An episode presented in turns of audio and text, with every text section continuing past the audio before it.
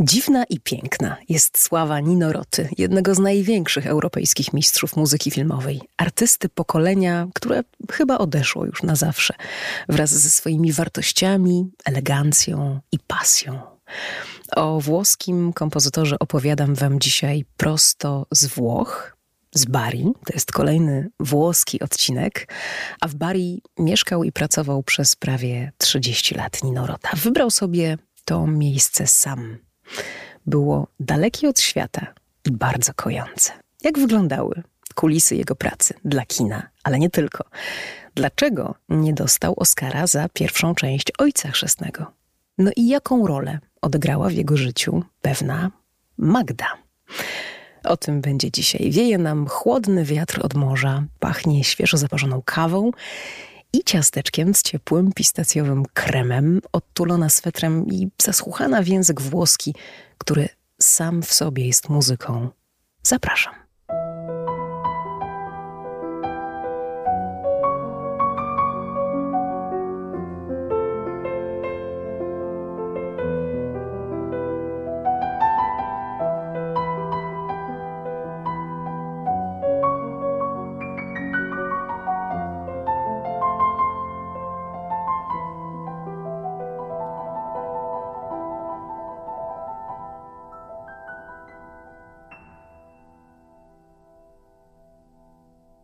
Zacznijmy jednak od początku, czyli od Mediolanu, gdzie Nino Rota się urodził, a do którego z Bari jedzie się pociągiem co najmniej 7 godzin, samochodem nawet więcej. Giovanni Rota Rinaldi przyszedł na świat w rodzinie o mocnych tradycjach muzycznych już jako dziecko wykazał ogromny talent. Był jak mały Mozart. No, nie każdy jedenastolatek komponuje dzieła wielkości oratorium a potem sam dyryguje prawykonaniem.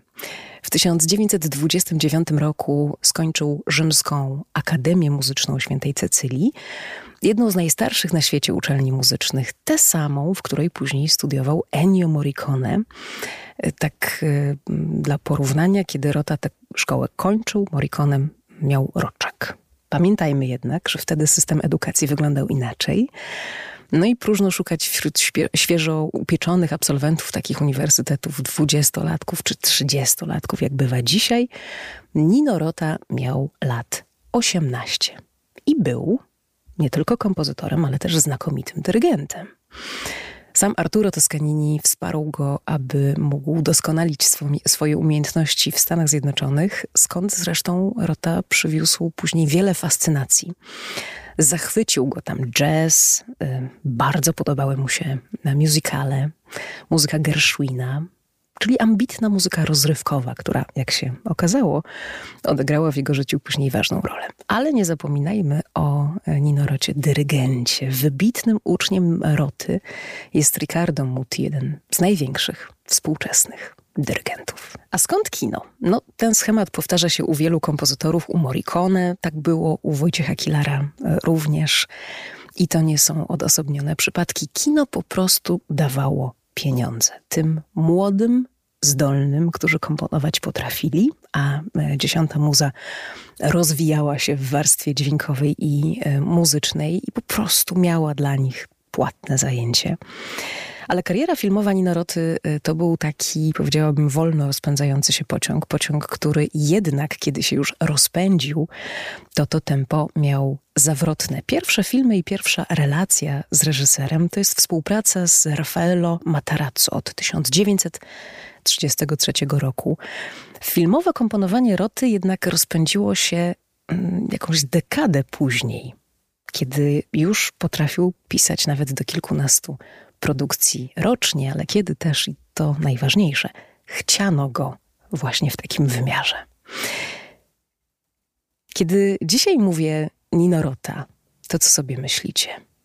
No pewnie myślicie Federico Fellini. I może nawet bardziej niż jakieś konkretne sceny pokazują się w wyobraźni po prostu tytuły filmów, aktorzy e, i ich tych filmów, specyficzny, czasem sielski, czasem groteskowy, muzyczny klimat. Federico Fellini i Nino Rota pracowali razem przez 30 lat. Efektami tej pracy są między innymi mm, takie arcydzieła włoskiego kina jak La Strada z 1954 roku, Słodkie życie e, z 1960, 8,5 oczywiście, trzy lata później zrealizowane, czy Amarcord. Mm, wspomnienie dzieciństwa reżysera tak pięknie ujęte też e, w nostalgicznej muzyce z 1974 roku. Rota pisał dla e, Feliniego szybko, bardzo sprawnie. I szczerze mówiąc, e, wstydził się o tym opowiadać, bo wydawało mu się, że jeśli coś przychodzi tak lekko, no to jakże może być poważne, nawet jeśli chodzi o rozrywkę. 30 lat, no to jest jak w małżeństwie. Trzeba się nauczyć życia ze sobą, obok siebie, razem, e, jednocześnie wszystko. Chyba trzeba być duetem i indywidualnością, żeby się nie zatracić i żeby czerpać z takiej relacji satysfakcję. Z Felinim Rotam miał taki problem, że on bardzo przywiązywał się do muzyki, której um, słuchał w trakcie pracy, bardzo często też wykorzystywał na planie.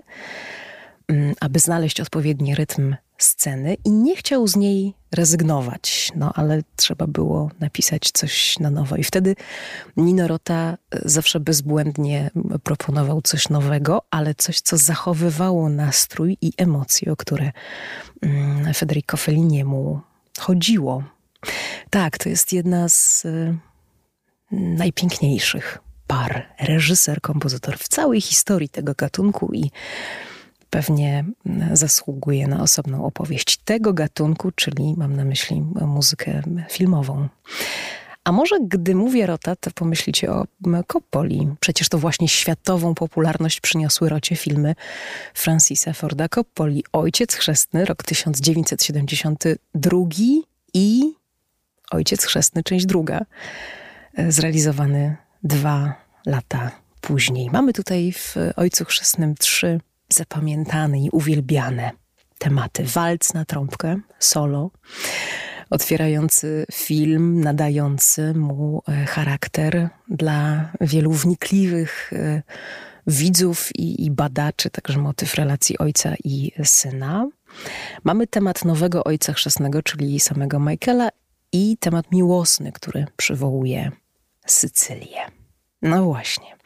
I trochę z tą muzyką było e, komplikacji, e, ponieważ e, Nino Rota do filmu Ojciec Chrzestny wykorzystał temat z filmu już istniejącego, filmu z 1958 roku pod tytułem Fortunella. To był taki w niektórych momentach tego filmu zabawny, ironiczny marsz, w innych momentach w wersji bardzo zbliżonej do, do tego, co znamy z Ojca Chrzestnego. E, Nino Rota zwolnił tę muzykę e, i dodał, jak sam mówił, więcej romantyzmu. No ale niestety, mm, według Amerykańskiej Akademii Filmowej, nie była to muzyka oryginalna. Zatem nominację za najlepszą muzykę, którą Rocie przyznano za pierwszą część Ojca Chrzestnego, cofnięto. Ale ostatecznie Oscara Ninorota dostał Razem z ojcem Francisa Forda Coppoli, Carmine Coppola e, też był kompozytorem i to był Oscar e, w 1975 roku. Nino Rota nie był wtedy na gali obecny. Zmarł cztery lata później. Nie wiem dlaczego nie był obecny, być może rzeczywiście zdrowie mu na to nie pozwalało, ale Carmine Coppola e, wygłosił wtedy chyba najkrótszą albo jedną z najkrótszych mowę Y, taką w podziękowaniu i oczywiście wspomniał, wspomniał Rotę, bo to była statuetka dla, dla, dla nich obu, ale powiedział też, że kieruje podziękowania w stronę swojego syna, e, bez którego by go e, tutaj nie było, po czym dodał, no ale beze mnie to jego by tutaj nie było.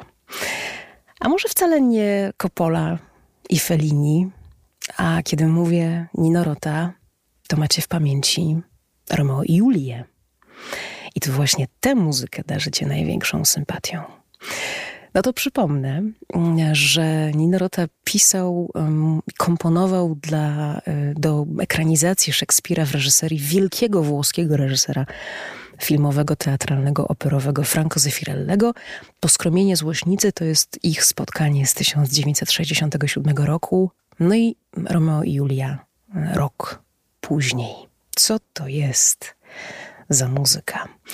Z najsłynniejszym fragmentem, czyli tematem miłosnym, pojawiającym się też jako ballada What is Youth, czym jest młodość, powraca w filmie wielokrotnie w ważnych momentach i nie ma chyba w historii muzyki filmowej drugiego takiego. Ośmielę się tutaj powiedzieć, że chyba nikt nigdy nie skomponował dla zobrazowania e, uczucia, miłości bohaterów takiej muzyki, jaką Nino Rota dał e, Romeo i Julii. Oczywiście jest jeszcze Francis Lay i Love Story, drugi chyba taki wybitny przykład, e, wybijający się ponad inne, ale tutaj w tej, w tej um, melodii, którą można zagrać na tyle różnych sposobów, albo delikatnie, w takim dworskim, subtelnym i wręcz niewinnym, niezwiastującym niczego złego charakterze, ale też w tak dramatyczny sposób, e, w jaki, e, w jaki brzmi mm, w, w tych właśnie e, niesprawiedliwych i okropnych momentach wieńczących to uczucie, to jest coś niebywałego potężna miłość, nie mamy co do tego wątpliwości, ale też rozdzierający ból. I właśnie niespełnienie, i właśnie niesprawiedliwość. Krytycy byli zachwyceni tym, co Rota napisał i podkreślali, że napisał to właśnie w taki sposób, ponieważ y, ma klasyczne korzenie i, y, i przychodzi do świata y, kina z troszkę innego środowiska. Dodam jeszcze w, w charakterze ciekawostki, że temat y, miłosny z Roma Julii to była muzyka, która w końcówce lat 60. strącała z pierwszego miejsca na listach przebojów Beatlesów, a konkretnie y, utwór w jednej aranżacji, w aranżacji Henry'ego Manciniego, innego mistrza muzyki filmowej, który A Time for Us pod takim tytułem właśnie y, tę kompozycję listą przebojów e, przedstawił e, i, i je podbił. Mm, nie ma co do tego żadnych wątpliwości. Klasyczne korzenie, kino i klasyka, klasyka i kino przeplatały się w życiu Ninoroty od samego początku, mm, bo jeśli przyjmiemy, że pierwsze jego takie klasyczne kompozycje to takie pierwsze dojrzałe, to jest, e, to są lata dwudzieste, a kino już 10 lat później właściwie aż do końca życia, no to, to naprawdę mm, były to takie dwie twarze, jak w przypadku mm, Wojciecha Kilara. Zresztą Nino Rota wplatał w swoją muzykę filmową, muzykę tak zwaną, poważną. W 8,5 używa fragmentu jednego ze swoich koncertów fortepianowych, no a La Strada stała się 12 lat po premierze mm, y, baletem do którego też Nino Rota dodał swoją muzykę z innych filmów Federico Felliniego.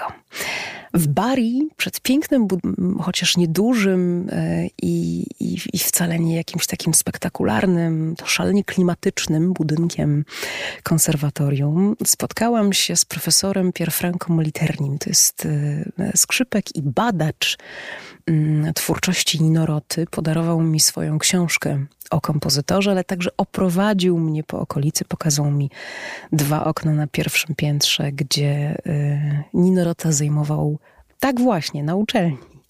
Mówiłam już o tym małe, małe mieszkanie i zwrócił moją uwagę na to, że kiedy, kiedy Nino Rota był w konserwatorium dyrektorem i nauczycielem, to mowy nie było o żadnych przechwałkach i, i mm, opowiadaniu o tym, jak się pracuje z Kopolą e, czy Felinim, wręcz w ogóle nigdy o tym nie wspominał. Mm, nie było takiego tematu. A jakim był człowiekiem? Posłuchajcie, co professor Moliterni mówi. Molto gentile, molto riservato, molto importante invece per lui musica, eh, opera, quartetti, tri, eh, musica per fiati, tromboni, chitarra, poco, poco vicino a molto spesso in, in this book lui passava eh, musiche di sue composizioni colte, eh, concerti per flauto, violino, in music film. Był bardzo uprzejmy, miły, bardzo skryty. Muzyka poważna była dla niego ogromnie istotna. Pisze o tym w książce, jak przenosił swoje kompozycje poważne do muzyki filmowej. Genialnym tego przykładem jest Lampart mm, z 1963 roku w reżyserii Viscontiego, który poprosił Rotę, aby e, muzyka do tego filmu brzmiała jak symfonia. No i symfonię Rota mu dał. Symfonię, którą pisał i jeszcze jej nie opublikował. E, symfonia, mm, która nosiła podtytuł Na motywach pieśni miłosnej. Pisana bardzo długo, między 40, 1946 a 1972 rokiem. Claudia Cardinale, Burt Lancaster. It is a theme of, uh, of the of, of, of second, uh, second time of symphony. Love theme of symphony. No i wreszcie w tej opowieści docieramy do Bari, na południe Włoch, do mm, Apulii, gdzie w pewnym momencie swojej drogi zawodowej dotarł i gdzie postanowił zostać Nino Rota, żyjąc na uczelni Dosłownie. E, trochę to było życie samotnika, ale jednak nieustannie wśród ludzi, innych pedagogów i, e, i studentów. E, bardzo często komponował w nocy. Był tam cały czas. O samym Bari, o atmosferze tego miasta i o kuchni opowiadam w poprzednim odcinku podcastu, także o tym, jak niezwykłą przygodę miałam wybierając się w Bari śladami Ninoroty. Opowiadam wam trochę o, mm, o, o samym budynku e, uczelni, który był starym klasztorem. No, jeśli jeszcze nie słuchaliście, to zapraszam serdecznie. A kiedy już opadł kurz wyprawy i przy pysznej włoskiej kolacji rozmawiałam ze znajomymi e, z Bari o Rocie, o jego legendzie, to dowiedziałam się jeszcze jednej rzeczy, e, bo okazało się, że Nino Rota miał e, córkę, która nazywa się, uwaga, Nina Rota. I według wszelkich dostępnych mi informacji również poświęciła swoje życie filmowi, ale więcej y, na razie przynajmniej Wam y, nie opowiem. I Nina Rota to był owoc y, miłości związku z pianistką Magdą Longari.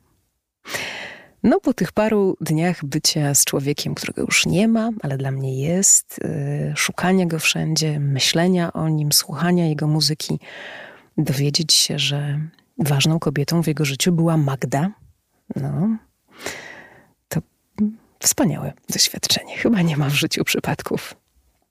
Nawet jeśli ktoś kradnie swoją kompozycję z jednego filmu i daje ją drugiemu. Mówię to z przymrużeniem oka i z wielką sympatią dla Ninoroty, oczywiście. Artysty, który dał widzom niezapomniane przeżycia. Człowieka, który miał się za niepoprawnego optymistę i który wierzył, że dzięki muzyce trochę tego optymizmu przenosi na innych. Wszyscy, z którymi rozmawiałam w Bari, mówili, że Ninorota był niesłychanie dobrym i sympatycznym mężczyzną. Kiedy mnie ktoś pyta, a takie pytanie bardzo często dostaję, z jakim kompozytorem bym się chciała spotkać, co jest moim marzeniem, to od pewnego czasu mówię uczciwie, że dzisiaj nie ma takiego kompozytora.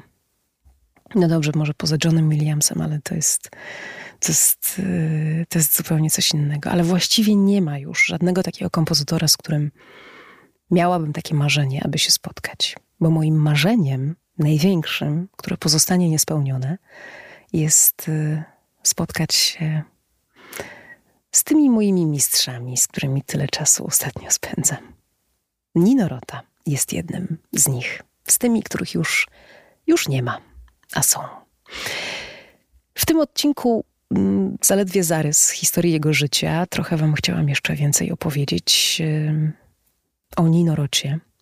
Życia z muzyką u boku, bo to takie życie było. Profesor Moliterni mówił mi, że, że w, odniesieniu do jego filmowej kariery, że reżyserzy tak naprawdę go nie znali, że jego dusza była i serce były tak naprawdę w muzyce e, poważnej, w operach, w muzyce kameralnej, a ten zbiór jest naprawdę bardzo bogaty. I tak sobie pomyślałam, cóż to by było, gdyby go znali i gdyby to, gdyby kino nie było tylko rozrywką, e, choć e, tworzoną z potężną jakością, ale czymś więcej. Co to by było?